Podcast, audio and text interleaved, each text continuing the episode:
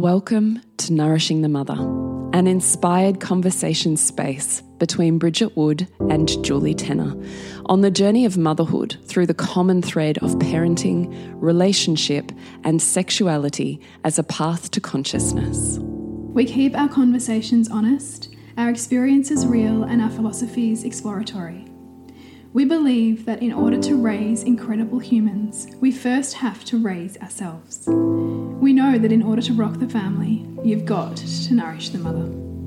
If you are here, you care about paving a path of conscious and intentional motherhood connected with yourself and your gifts, and also illuminating your children in theirs so we may raise more whole humans who can impact this world in a more humane way.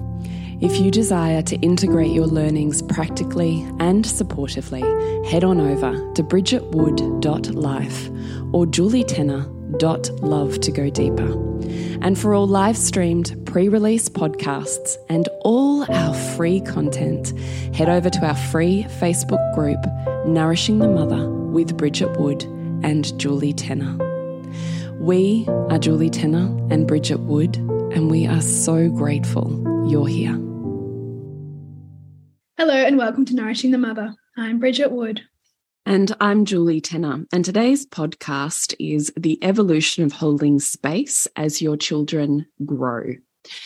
Our intention here is just to give an overview of how you might consider that the practice of holding space and emotional meeting for and with our children changes mm. from infancy to preschool to school to high school, and that over the evolution of their life, how we be with them and listen shifts and changes. So, we just want to kind of give an overview of lived experience from that perspective to empower your journey. Mm. Yeah, it's such a great conversation to have because I think a lot of parents who really have a high value on parenting are, are really well versed in what it means to hold space and listen to feelings in those early years and, you know, really understand what it's like to see and witness and be with a toddler tantrum, for example, but that as our children grow, that can look different and it can hit up new ages for us. And it can sometimes make us feel a little bit wobbly about how to meet it because, you know, if their tears don't come easily, then, you know, how do we kind of stay with that? Or if there's aggression, how can we keep ourselves safe but not shut down their aggression so that they further internalize it so there's just a little more nuance i think that is helpful for us to kind of tease out so that's where we want to take it mm. Well, let's begin with infancy. So we're talking under ones here. How have you learned to hold space with an under one?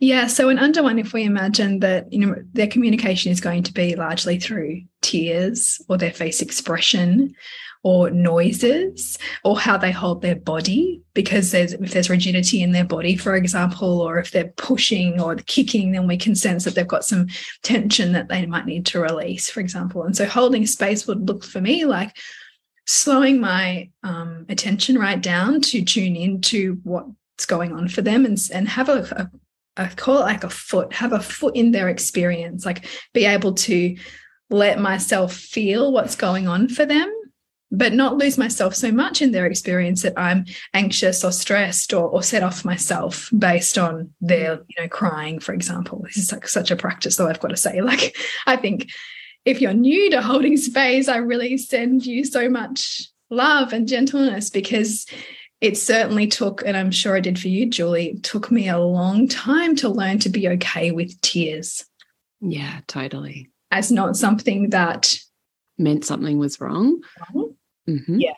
And with my son, I just kept putting him on the breast.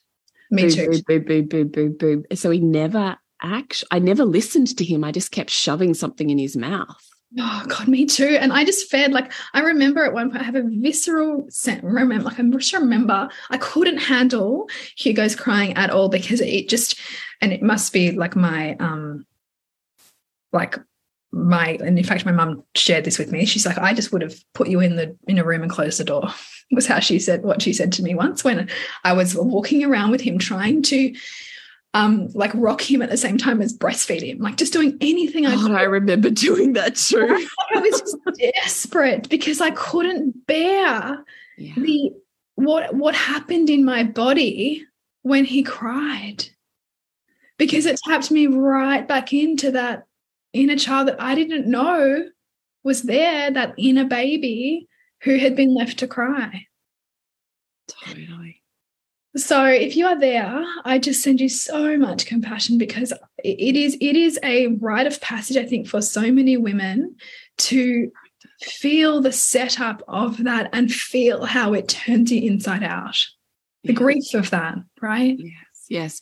Well, really, what I came to recognize that practice of was really recognizing that I needed to hold my own inner infant mm. so that I could be the mother that this child needed, because or else I was a child parenting a child. Yeah. And so, can you share what that meant for you to hold your own inner infant? Well, I really noticed it the most um, as a as a practice, I suppose what I remember most is well, certainly with Heath, with every other child, I had I had um, upskilled myself and done all of the courses and the places to learn it. So it was much more easeful. The more support I had, the more I understood the philosophy, mm-hmm. the more embodied I was in the practices, and the more that I met my own inner child, the more stress left my body, mm-hmm. the more tension left my body, which meant I literally was just more grounded, more open, more available, more connected. Like mm. the virtue of doing your work on yourself is literally that it creates spaciousness to be with the ways that you want to be with your child. Mm. So um, I'll focus specifically on Heath. And it, do you know, around sleep, it was the hardest thing for me with sleep. Mm. So I can remember not even being able to let him whimper or make a rustle or a noise or a sound yeah because it meant he was going to wake up. And I was like on this hyper vigilant, high alert, high anxiety kind of state. He could never settle, or in inverted commas, my perception at the time was that he couldn't settle through that 40, 45 minute sleep cycle. He wasn't a baby He could do that. I didn't trust that. Mm. And so I had to really learn how to trust him and let him do the smallest sounds and movements and wriggles and grunts and noises and low level kind of that sort of whingy whimpery sound that I used to think meant suffering. Mm and I came to realize was just part of him vocalizing what was happening in his body that he could feel. And there was nothing inherently wrong with that. There was nothing for me to fix, there was nothing for me to change, and there was certainly nothing for me to stop. Yeah. So that took a huge process to work out. And then I literally remember I used to literally stand outside his door where he was sleeping at like 35 minutes ready for the practice. Yeah.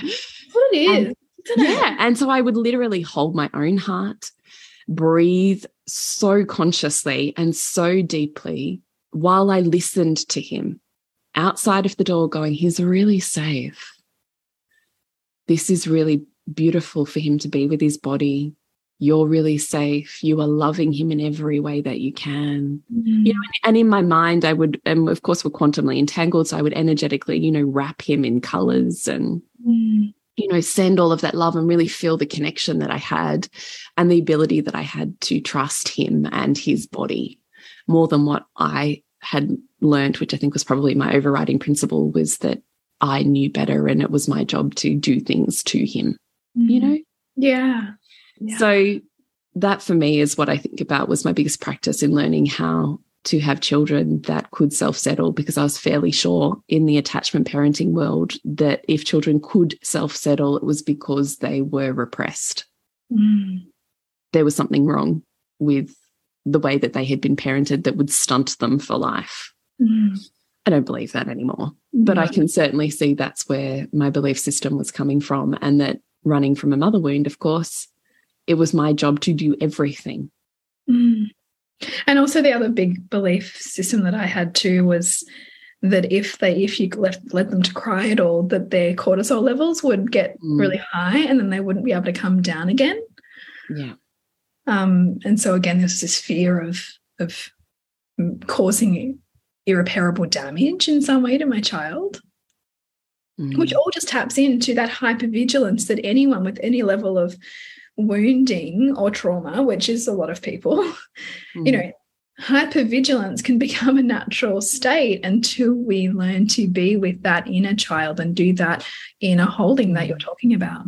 Mm, yeah, totally. So, when we think about infants, what we're really thinking about is remembering that this is our first foray into what is essentially an implicit memory. So, it's a body based memory. We won't necessarily have conscious memories, which sometimes as we're older makes it easier because we can go, well, how was three year old me treated? Oh, I have a memory of this moment when my mum or dad or whoever did this that's sometimes easier for us to intellectually understand that creates more spaciousness to be with our children than when it's implicit and we don't have conscious memory of it, but we have memory or trauma or like the body doesn't forget. Yes. And so when it's implicit, sometimes it can almost just register as more terror because we can't put words to it. Mm. There's not that regulatory function that having a cognitive understanding of something can sometimes bring mm. that's missing. Yeah. So I think it's a real invitation into trusting your body is leading you exactly mm. where you need to go. And that the very desire that you have to create children who are self autonomous, who have sovereignty over their own physicality and their own body and their own choices mm means this process that you equally give yourself those things. I trust my body. I trust its responses. This is in my body happening for my body and for everything that I'm wanting in the world. This is just what's coming up in the way or on the way of that. Mm -hmm.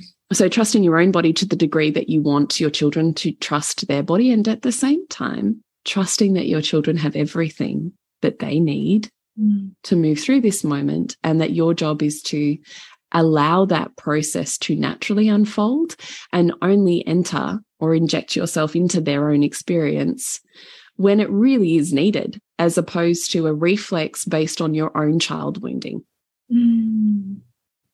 Which is the ultimate practice, right? Because right, as even as I said that, I was like, did that even make sense? well, it, it does, but again, like this is us coming at it in a cognitive way with a best practice, which we also have to acknowledge it's not going to happen mm. all the time because we mm, live mm, subconsciously so much.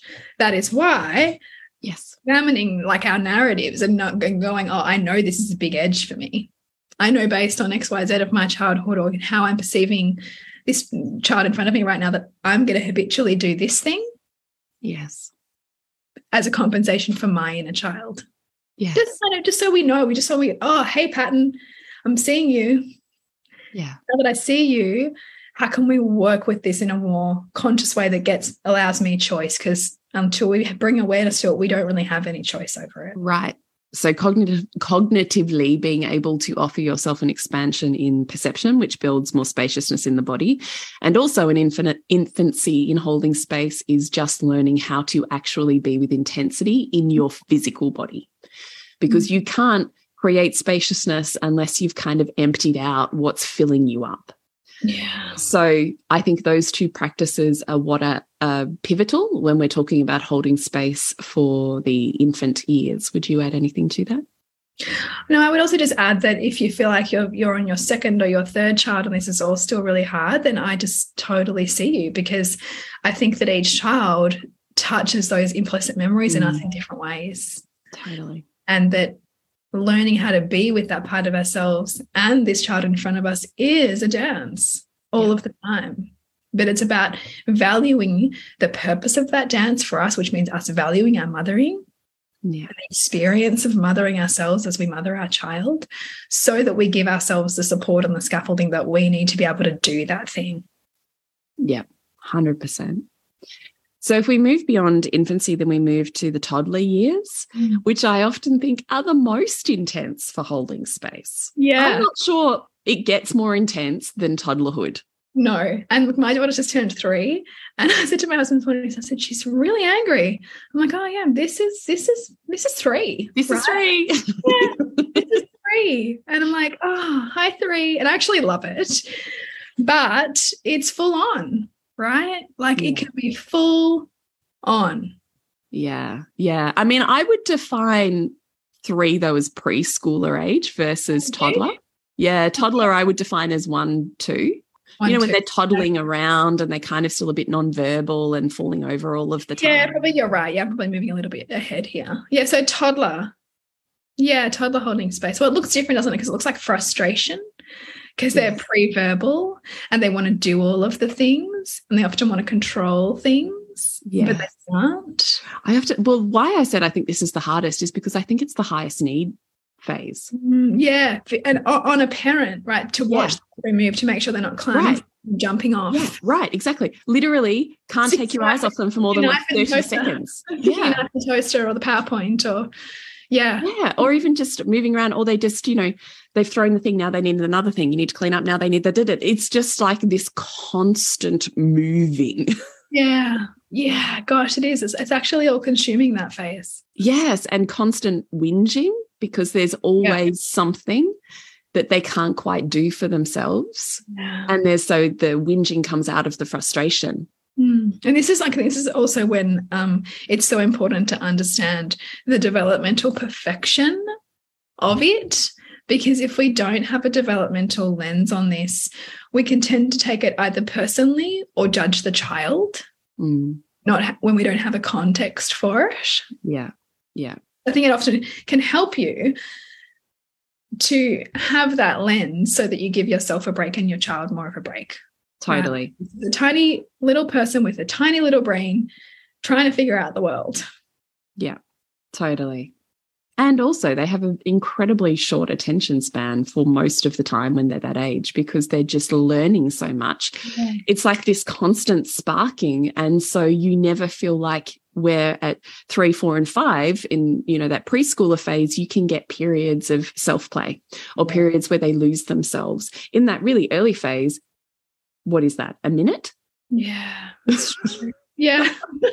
and then they've like, you know, tip something out all over. Yeah. You're not sitting next to them on your computer doing some work while they, whatever, have a mm-hmm. snack, watch play school. That's not happening. No, no, not at that age. No. So I actually think this is the hardest, and it may not be for everyone. There, I have no doubt there are those parents and mothers in the world who are like, "This is my age. Like this is the age that I relish and adore and love." Amazing. But let's just talk about it in terms of holding space. When I think about that age, I actually think it's harder to hold space because there's so much less space mentally and physically for you as a caregiver. Yeah. It's easier to hold space when there's stretches in between where you don't have to. Yeah. Yeah. Because you can, like, you almost get to fill yourself up before you have to then go and hold space again. Whereas Yeah. toddler intensity is like, there is no off switch. Like if you're the caregiver and that's you all day, like that, that's a lot. You know, It's and it, it can even be the simplest of things. It's like, you know, as beautiful as, as it is, the how slow they want to walk down the street and pick every flower. And like you know, like it, it's it's simultaneously gorgeous and frustrating. Yes, it is. As a mother who's also got a thousand tabs open and everything else she has to do. Yeah, totally. And I think it's also the relentlessness. Mm-hmm. There is no on and off phase. It just like rolls Yeah. continuously. yeah. So I think it's a really challenging phase to hold space. But I do also think, as you have said before, Bridget, that often the infatuations we have with our babies will be bust in our toddlers. Yeah. Yes. This is like a really great, like, I don't know, like the evolutionary biology point of like human development fascinates me, right? So let's imagine like babies have to be cute in order for us to not abandon them, right? Like they're actually designed to be cute and and make cute sounds and you know do all of that dopamine is just getting hit up and hit up But and hit yeah. up. right? And then sometimes we've ended up infatuating with them so much that we've lost ourselves in them, we've undermined them and their capacities because we're like all over them. And so, of course, they then have to move into a developmental phase that works to break our infatuation with them as they ta- need to take up more space and more agency and more selfhood separate from us. yes. So it's perfection. And to the degree to which you infatuate with the baby, and I can remember like when Hugo was a baby, and I look at my friends who all had toddlers, and I'd like be terrified. I'd look at these toddlers and these preschoolers and just go, "Oh my god!" Like I just because I was so infatuated with this with my baby, right? And so then he and I, of course, did all the reading and figured out all of the stuff. to help myself prepare for that next stage that I knew was going to thrust me into my unknown mm. and to mm. you know, into the place when my nervous system was like, I got no like I got no map for this mm. because it's really big, and it's big for us and our identity because we see them so definitely moving beyond us too. Like they don't need us as much, and in them not needing us as much, are we okay? you know and that it's also useful for us to feel the relentlessness because it also then gets us to sometimes go fuck i need a breather right this was my point yeah so both those things kind of converge at this same age yeah. asking you to create more time mm. for your self autonomy well-being and centeredness yeah yeah so when we're having the conversation around holding space I don't know that it's terribly different to when they're a baby. Like they have a need, you listen, you're getting down on their level, you're not standing above them. Yes. Your body is open, you're breathing and regulating really deeply. You're focused on their experience, not your feelings and mm-hmm. experience. Mm -hmm you're paraphrasing back to them so they feel understood even when they don't have words. Yeah you're really you really just hurt your big toe. You're mm. really angry. I said no to having that banana. Like mm. it's just it's those really basic principles but it's mm. the fact that it's so many times in a day. Like you could do that 40 times easily oh, in a day. easily. Yeah. And so that's also why having that lens or that that focus on like you know them having a hard time and this being difficult for them just as much as it feels hard for me can help us get out of that orientation to our own feelings and our own overwhelm. Mm, which i think is so important because otherwise we end up feeling resentful of their needs which are really legitimate needs but if we haven't also made room or found a way to get our needs supported it does feel relentless. It does feel overwhelming. It does feel all consuming because it's a season that is naturally designed that way. But also the mothering of that child in traditional society would have been more shared. Yeah, 100%. Which is why, you know, I say to every mother, like, you can have all of the beautiful online communities, you can have all of the beautiful, like, social media following that help you be the better parent, but you also need other adult nervous systems or other containers that can hold you so that you can get a breather. Totally totally. In fact i um i have a new little baby side project podcast coming up called the deeper practitioner and i interviewed Rhea Dempsey on that the other day. And she was talking about this very thing and i thought how wonderful to have such a, a lived experience of that. She said you know because i'd said to her how did you do this in the 70s as she's you know at the forefront of of ABA and and childbirth education classes and she's a stay-at-home mum to three kids? Like how are you doing all of these things and she said, you know, what's really fascinating to me is it isn't like it is now, and nor was it for my mother. She mm -hmm. said, I mm. can legitimately remember at that time, so even in, in the 70s, 1970s, her mother coming down from the country to stay with her and her three kids in the, you know, relatively inner city, and her taking the kids with her on the tram to go to the market to buy the fruit and veggies to come back home. And she said her mother was exhausted afterwards mm. and literally said to her, I don't know how you do this. I never had to do this. Wow. My kids never came anywhere with me they were always, we always, they were dropped at aunties next door and aunties over the back and aunties down the road. We never took our kids to any of the places that we needed to be as women and mothers who are functioning a home and a house and a farm. And a, they never, kids were never with us with those things. We just shared it amongst an entire community. Mm which is kind of beautiful, isn't it? Because it's beautiful for the parents to have that little bit of spaciousness, but it's actually beautiful for the children to not have to keep being asked to enter adult environments, you know, like supermarkets that are set up like not for a child's mm. nervous system. But yet we mm. continue to put them in there because our lives require that of us, right? And then everybody loses their shit.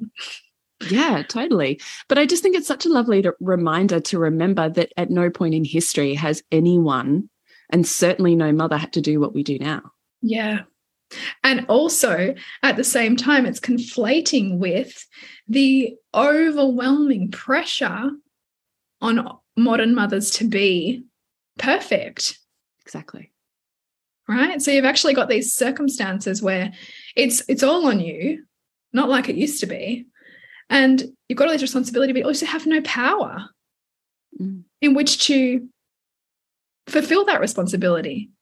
Mm. Like you, you, have to be in an extremely pri privileged position to tick off what it means to be the perfect mother that our culture upholds. Yeah, right. and even then, I I mean, I've certainly met some of those women who would have night nannies from the minute that the kids are born. Mm. I've even been friends with some of those night nannies. So that legit is a thing in case no one Yeah. knew. It was Yeah. like shocking to me. I was like, what is this? Yeah, I guess there's a whole industry for of that, right? For the The whole industry. who can still try to hold both, you know, like hold both worlds up. Yeah. So you have the day nanny and you have the night nanny and you have your meals cooked by a chef. You pay them, you know, once a week or twice a week and they do all of the kids' lunch boxes, everybody's breakfast, everybody's lunches, every dinner. It's all packaged up, ready to go. You have the drivers. Like it's just, I have watched that, right? And Mhm. even then, they still don't feel like they're kicking goals either. Yeah. Yeah. Because, you know, they should be them or would be what they've probably internalized. Probably. Yeah. So I just think it's flawed all round. Yeah, absolutely. So if we move on from holding space from toddlerhood, then it's preschool years. So that three, four, five. Yeah. You're right there now, Yeah. I'm right here now, and it's it's interesting. Like I actually had to call the school the other day because I was stuck in Woolworths with my three year old. He was having the biggest release of feelings she's ever had in a public place. And I was quite frankly shocked that it was going on actually, because she's not really like I I, I don't know, like I she's my kind of chiller in comparison to you know all the stuff that I've all the journey I've been on with my other two. And so it, she just woken up from a nap, and that was part of the problem. But yeah, I was getting it was getting closer to like time that I had to get out of there, and I was really this is not going anywhere. Like she wouldn't even let me pick her up. She was absolutely beside herself. There was no capacity for reason. There was flailing body, arms everywhere. She was like almost hyperventilating. Like she was extremely gone. Right. Mm. So I'm sitting here in Woolworths just thinking, wow, okay, yeah, we're here. Hmm Sitting on the floor with her, just trying not to let her kick over all of the stuff off the shelves. And it was so interesting just observing myself have like one foot in the other kids who I had to take care of. So I called the school and sent, had them sent to the office. And one foot in my experience, and then noticing like the parts of me that could really meet her and hold her, and then the parts of me that were getting irritated because this wasn't in my plan, right? and then also the other parts of me that could feel the observations and judgments and like different points of view of all the people, all the passers-by. yeah. By this point, the whole supermarket could hear her. Mm.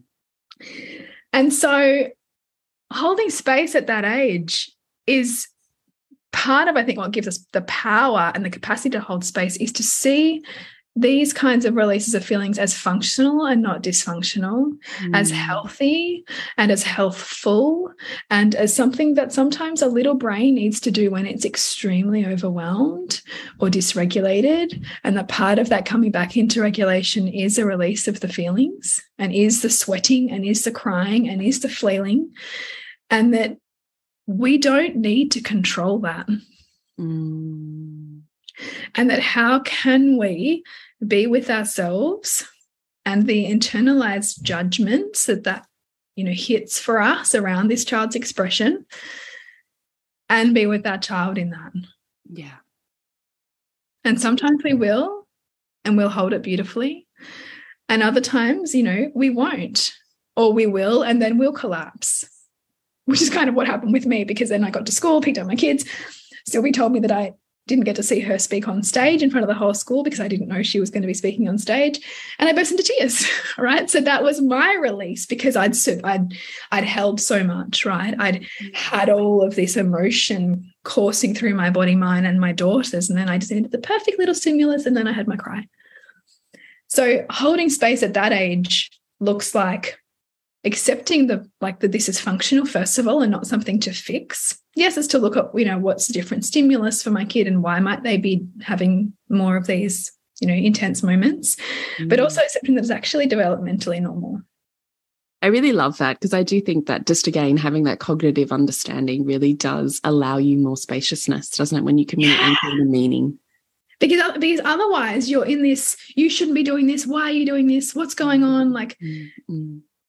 if you don't have context, you can't have as much presence. Totally. Because if you don't have context, you're sitting in this place of should and you're wanting it to be anything other than it is. And as long as you're wanting it to be anything other than it is, then you cannot be present. Yeah, totally. So it's part of, yes, accepting that this is normal, looking at, you know, are my expectations reasonable of my child? Like, you know, certainly if I do too many things in a day with her, she's going to struggle in some of those things because it's she's at an age where there's if there's too much stimulation then she needs to release all that overstimulation. Yeah.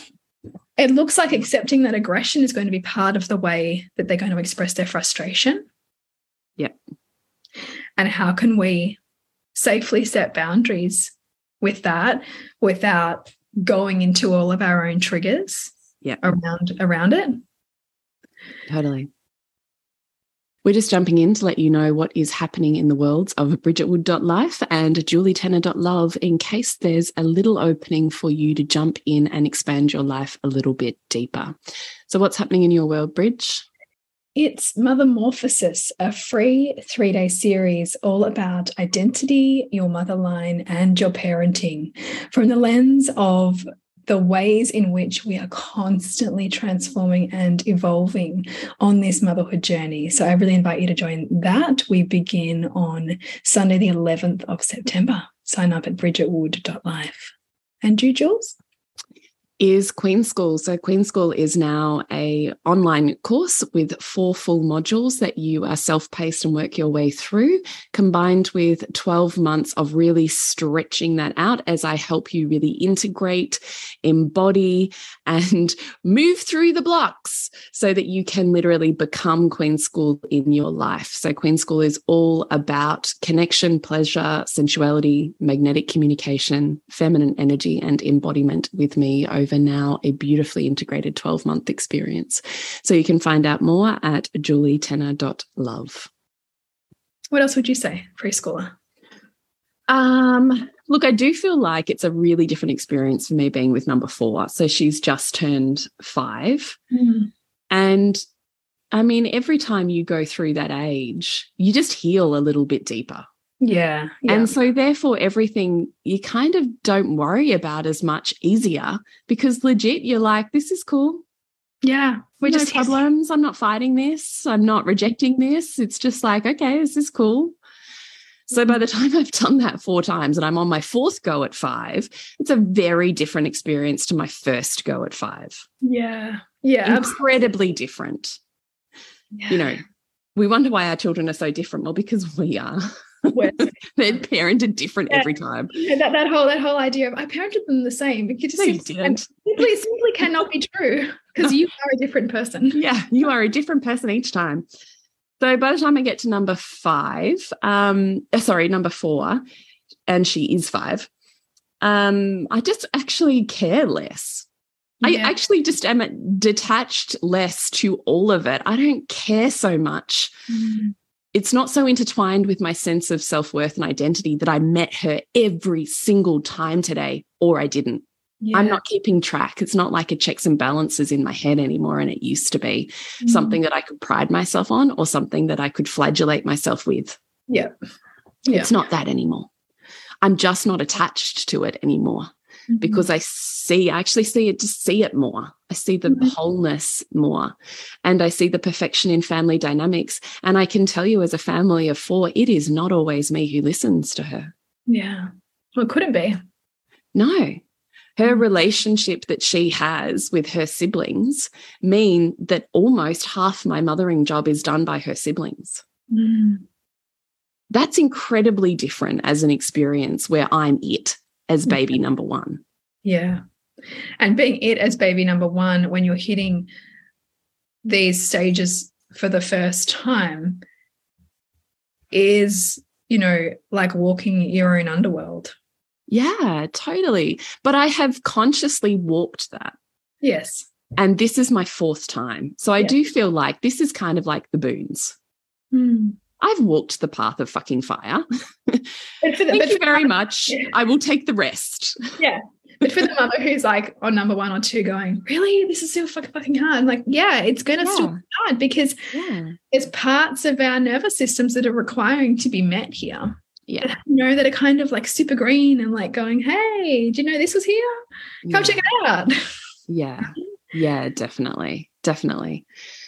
And um, so I just I feel it a bit differently. And she definitely is more of a needs space to process on her. She likes her own space to process, mm-hmm. which I can actually see was exactly as my first. She's actually very, very, very similar to my first. Mm. Even neurologically, my perception is.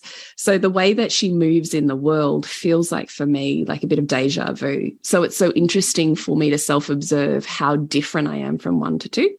Yes. Uh, sorry, from those two kids, one and four. Yeah. And with my son, I was so heavily invested in the aware parenting that when he would retreat from me, I would chase him. Mm. Because I would need to know that I was close to him. Yes. Not because it was necessarily the best choice for him. Mm. But I was following a set of rules that said if you weren't there, they were damaged. Yeah. And that they weren't old enough to have that level of space yet. Mm. I don't see it that way anymore. So she really, and she's an exceptional, as I we've talked about on this podcast before. I injected myself into play with babies one and two all the time. I thought I, that was my job, and then they mm. couldn't play without me. Yeah. So with babies three and four, I was really conscious to allow them time to be in their own worlds that I mm. didn't need to inject myself into or judge myself for not being part of that play. Yeah. So they babies three and four do a lot of self play Mm. Just by virtue of me allowing that, what I perceive to be a natural unfolding, mm. as opposed and, to interrupting it. Like, you know, but managing your own anxiety, like, because it's such a great point to make because how often for in order for our need to be needed and valued do we insert ourselves yeah, into yeah exactly yeah exactly if you perceive it's a never ending list of needs it will be a never ending list of needs mm if you perceive there's all these pockets of space and time where I get to be in my own world and my own experience and my kids don't need me, that will also be your experience. Mm. 100%. So, you know, she does a lot of her own inner world stuff, quite a lot. And I recognize that she chooses that too when it comes to regulation. Yeah. She because leaves. Play, because play is regulatory. Yes, it? but even when she's had a huge emotion, sometimes she'll want me to witness that and be with her. Mm. And sometimes she actually doesn't. Yeah. And what I've learned is the respect in our relationship to trust her more, which I never had with my first. Yeah. And in doing so, it actually is like so much easier for me. Mm. And in doing that, and that being easier on you, it also means you can bring more of you when you are with her. Yeah. It's not the relentlessness isn't there. I mean, yeah. she's fiery as fuck, but you know, it's just, I think all of us just find it so adorable because we've been so practiced and stretched at it. It's not as hard anymore. Yeah. You're not like, you're not on edge waiting for the explosion. Like you're, you're like no. part of the experience of being yeah, just you know, having a five year old in the house. Yeah. Yeah. So, I mean, I don't know if there's any wisdom there for anyone, but um, it's also helpful too to, to know your thing. Like, I know that witnessing and being with anger in my children is a trigger for me mm. because I perceived that it wasn't acceptable for me as a child. Mm. So I know when I start to feel the activation in response to my children starting to have an outburst, I know that that's my work. That's mm. my, it's my little spiritual path one of my mm. many spiritual paths, right? Mm. And so knowing that I can expect it more, expect mm. that it's going to hit me, you know, in ways that other things might not. Mm. And that that's okay because like almost plan accordingly. Yeah, right. Yeah. Like know what I need. And like I actually spend a lot of time regulating my nervous system. I didn't realize, but I think I have since I was a child singing. Like, so that vagal tone that, that, happens from singing is how I adjust to the intensity that happens in my nervous system with the stimulus that comes at it through my children's anger or through their big feelings, right? Mm. So, also look at the ways that you've become beautifully adaptive to meeting those things too. In yourself and in your child because we also have these naturally um, adaptive, hopefully not too maladaptive ways that we do meet intensity. And so, how can we also see that we're not missing all of these things as a parent, but how do we already know mm. how to be with this? And see this thing as a stretching that our child's offering us and not just, oh my God, they're doing it to me again. Mm. Totally. I love it. Mm. So then we have the primary years, and um, maybe we'll just do. I mean, I know it's not going to do justice all of the different micro, you know, changes that occur from a child that's five to twelve. Let's say yeah. we'll just kind of do a brief overview of of potentially what that's like. What I perceive is that holding of space again happens less frequently because there's more space. They're at school, they're away from you, they're playing with friends, they're at activities. There's way more physical space. Yeah. So the amount that you're holding does stretch out mm. over periods of time. I also perceive that often it becomes more physical. Yeah. So more physically violent, more mm. physical hitting, kicking, punching things, throwing things, chucking things over. Yeah.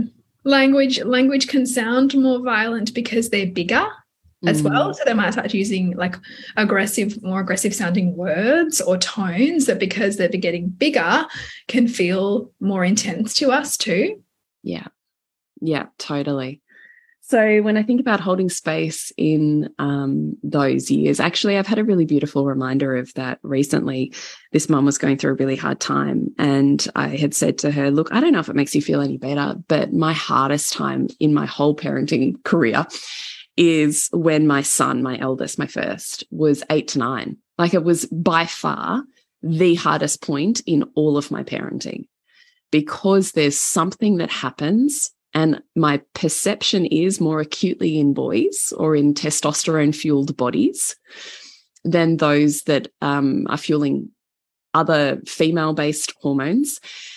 Steiner and other philosophies and other cultures and spaces of time, this is when they've traditionally, uh, the boys have gone with men and they've gone bush, they've hunted, they've had a rite of passage experience of some sort. There's a recognition that something shifts and there's a mm-hmm. separation from the mother mm. and more towards the father as an archetypal understanding and self autonomy. And so there's this fuel of testosterone and violence and defiance and all of these things that really like rears up at that time. Or certainly that was my experience. It is what I see in the world. Mm. And I had said to them, I don't know if it makes you feel better, but that was certainly my experience because her child was, you know, yelling, swearing, saying, I hate you, yelling, I'm leaving the house, running out of the um, house and away from her, you know, not going to school or doing whatever, or all of the things. And I was like, yeah, I mean, yeah, it's super intense. Of course it is. And also, I would argue also on the spectrum of developmentally normal at that age. Yeah. So I don't know if that helps you position it in your head as like, okay. But like as maybe opposed to failing and maybe there's Yeah, right. Right. Like yeah. what if this is just like this is what it is how do i learn to be with this mm. as opposed to moving into panic mode or crushing in on my own experience of what my child's doing to me and what my feelings are about it and how i can't cope yeah what is it like to just go, okay, this is a kid who's really struggling right now? Yeah. And this is their flight mode or fight mode is the best they can do for themselves right now. Mm. What help do they need? Mm. And I can tell you, this was the time that I learned most acutely how important community is. Yeah. I didn't learn that in any of the infant ages, but I mm -hmm. certainly did by this age. This, this, in fact, that point about community, because my son was at those, those ages in lockdowns. Mm. And I think, like, I thank the gods every week, actually, that he had a best friend in our street and our mothers tag teamed looking after those boys as they moved their energy, as they played, as they rode bikes, as they played sport. Because he so needed an outlet that couldn't be provided in any other way than physical. Mm.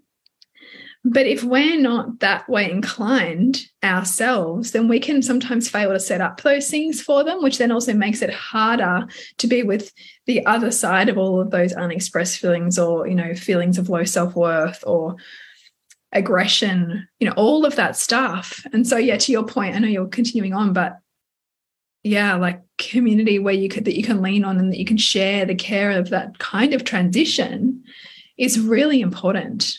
Right. I mean, that's such beautiful language around it. Sharing the care mm. at those points in transition is is just the most beautiful language. So what I came to realize was and as I had said to this mother, for me, it's not about punishment or reward at this time at all. At all. Mm. This is about is my child regulated and safe, or are they dysregulated and unsafe? Mm. And that's it, the end. So yeah, if there's no need for anything extrinsic or arbitrary like punishment no. and rewards, because if you're just looking at this child and their nervous system and you help them help them feel safe, then a, a human who is not in in a threatened mode is not going to be threatening, right? Right. Because their natural state is connection and cooperation. Yeah. That's the natural state. Mm -hmm. So if they're not that, what's going on? Yeah. What do you need?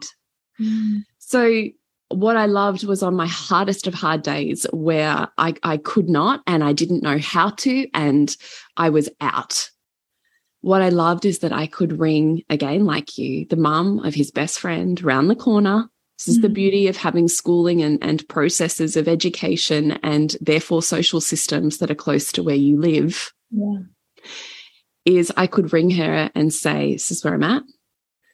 I just need to know that he can go somewhere and have a reflection of himself mm. that is about, I love you, I see you, you're beautiful, you're worthy, because I couldn't give him those things. Yeah.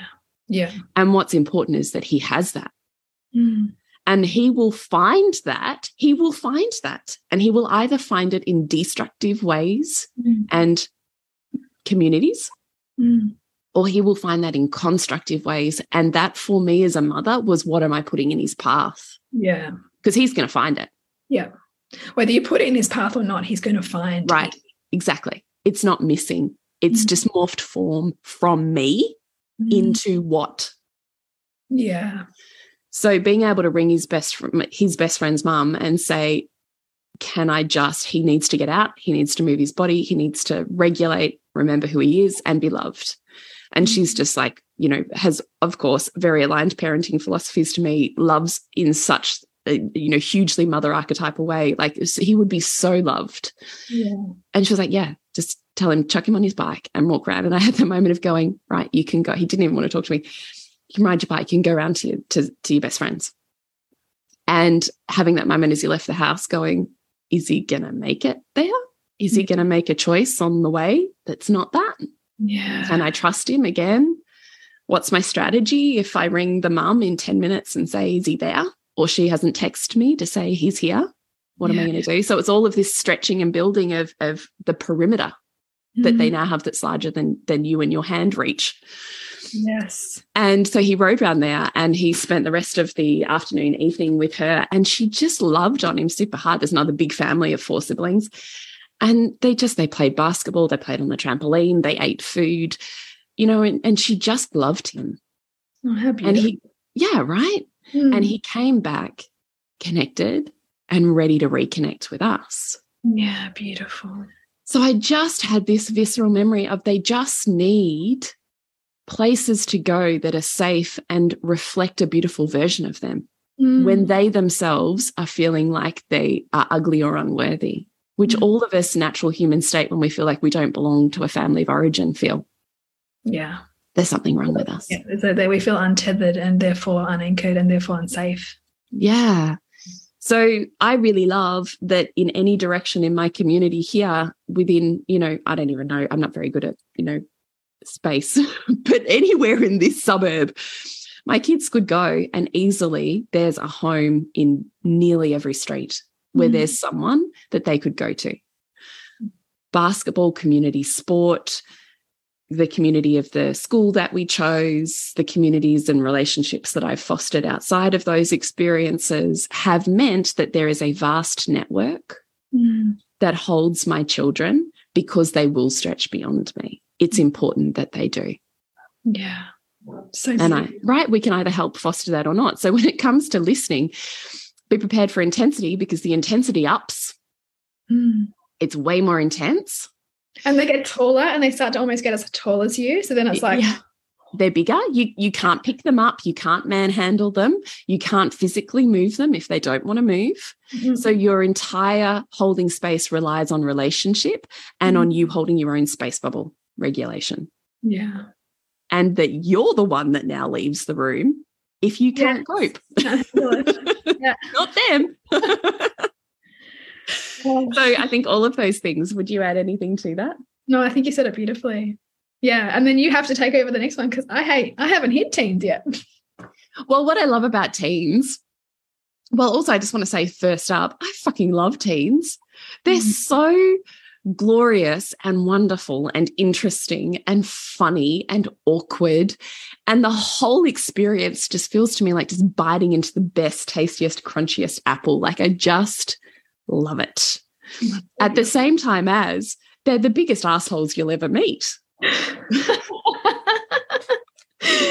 like it's almost like that baby phase, you know, when you were Yeah. like, oh, I Yeah. love it. And God, I it's see, I- I- like that. I even see like little threads of that in tweenhood, like some of the back Yeah. chat or some of the tone, right? I'm like, Yeah. oh, my husband was said at one point, he's like, he's really like, maybe a bit rude to you. I'm like, yeah, he is. And I think part of this is a bit of tween stuff. Like he's coming into an mm. age of like testing and like, you know, like throwing it out, throwing, dishing it out and seeing how it's going to land. Yeah, totally. Yeah. So when we talk about holding space, what I'm reminded of is to um, love them more, like pay attention to all of the times and really absorb all of the times that they're not assholes, because Yeah. it really does help you remember how whole they are. Because when they're assholes, it's full on. Yeah, it feels like they're only ever assholes. well, and it's just huge, right? I mean, my son is six foot five. yeah. So he's huge. Mm. and has a profound vocabulary and of course is wired as such knows every single one of my buttons pristinely well Mm. so i am literally having in a con moment of conflict with another adult Yeah. That, that at least looks like an adult, right? yeah yeah totes i mean brain function totally different but yeah but when i say i'm having conversation with an adult i'm thinking about this in terms of respect Yes. Yes. Yeah. So you don't get to talk down to him or minimize his No. experience or shame him and or do all the things we Yeah. culturally do to children. Right. And don't problem solve it. So I mm-hmm. was talking to again a mum the other day, and she was like, you know, my my teenager who's in between my two came in the other day, and you know, here's the problem. And she said, well, I went, well, you know, what you need to do is, and off she came with all th- these things. Then she tells me this story, and she ends it with, and then at the end of all of this, and I've come up with all of these fantastic ideas and ways that she can deal with this situation. She turns around, and she goes, I just wanted you to acknowledge that I felt sad about that today and you didn't. And she walked off. And so this friend of mine was like outraged at the fact that she had had the best ideas and her child would not take them on board. And I'm sitting there going, mm. I mean, I love this. I love this friend and I don't judge any part of it, but I'm listening to that going, this is the difference between listening and not listening in teenage years. Yeah. That is Yeah. actually the nuanced difference in holding space. Mm. Because all You they can- actually want to do is be listened to, but Right. we, in our desire, to- Strategize. well, we strategize because we also know how how treacherous the teen years can be, and what our experience was that we don't want them to repeat. And so, in order to, for us to have control, we go into problem solving. Yeah. I'm assuming this is Yeah. assuming that's what we're- Yeah, I mean, I'm sure you would see it as well. And my husband actually is shocking at it. So it's a continuous. my husband will be terrible at it too. Oh, shocking, shocking. And there's so much of his parents that I actually am witnessing coming out in him now that I'm like, oh my God, okay. This is very so it's a continuous conversation with Nick and I yeah. on, you know, we don't have to come in with the solutions. This is just about, yeah, it's really shit. Mm. And Yeah. even for my daughter, who, you know, will say it's probably not a day that goes by that she's not like, I don't want to go to school today. Right. I can either get super plugged into that. Or I can just be like, yeah, you really don't want to go to school today. It's Mhm. really shit. That must feel really bad. Mm. God, you look like you're really tired. Mm. I'm not holding fear of what happens in the next moment when she won't go to school. Yes. I'm trusting this is something that needs to be uncoiled and witnessed from her body, and she mm. will self regulate and work out what to do on the other side of that. This is tears in another form. Yeah. And so your work is not to bring in all the reasons why she can't stay home or all the reasons, right. oh my God, is this mean she's going to be a school refuser? And does this mean she's not going to go to right. school? Does this mean that her whole future is going to be ruined? Like you've got like totally keep right. That, like behind you. Right. Exactly. And instead, what used to be, you know, huge, big, fat tears just looks really different in teenage years. It yeah. looks like defiance and being bogged in, and it looks like a spectrum of mental health, of anxiety and depressive states mm. and um, over exaggeration of whatever the thing is. It's yeah. the same deal, but you've got to see it as the tears of the three year old. Mm rather than trying to make it mean something that's that's perhaps more adult and cognitive it's not. Yeah, yeah they yeah. just want you to see them where they're at. Mm. they just want to know that you've got relationship with them because i can tell you in teenager years if you don't have relationship you've got nothing. Punishment and rewards stop working. Yeah. So if you don't have relationship you have not got a foothold. Yeah. Which just it reaffirms the importance of that relationship from the get go. Yeah, right. Exactly. It's not built overnight. It's built because you did that when they were three and when they were infants and when they were 8 mm. and, you know, all of those things. So, holding space for teenagers, I think, is about remembering how much they just want you to see their experience mm. and how much they do not want to see your experience. Yeah. When I was when I was your age. right. Don't want to know. Give no fucks. Yeah. Do not have the brain capacity to even contemplate that. Maybe in another 10 years they might. Yeah, it's so true. Right now, they just want to be the center of the heard. They just want to be yeah. heard and seen and like yeah. met. Yeah. Yeah.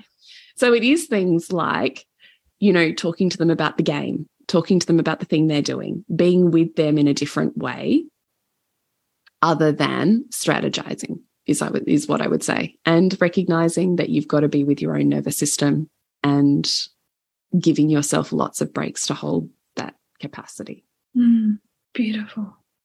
So, Bridge, what have you got going on in the world that we can jump into? You can still jump into Disrupt, revealing the mother wound. So, you can catch the replays on our first live call. You can make your way through the modules. They're bite sized for you to digest wherever it works in your life.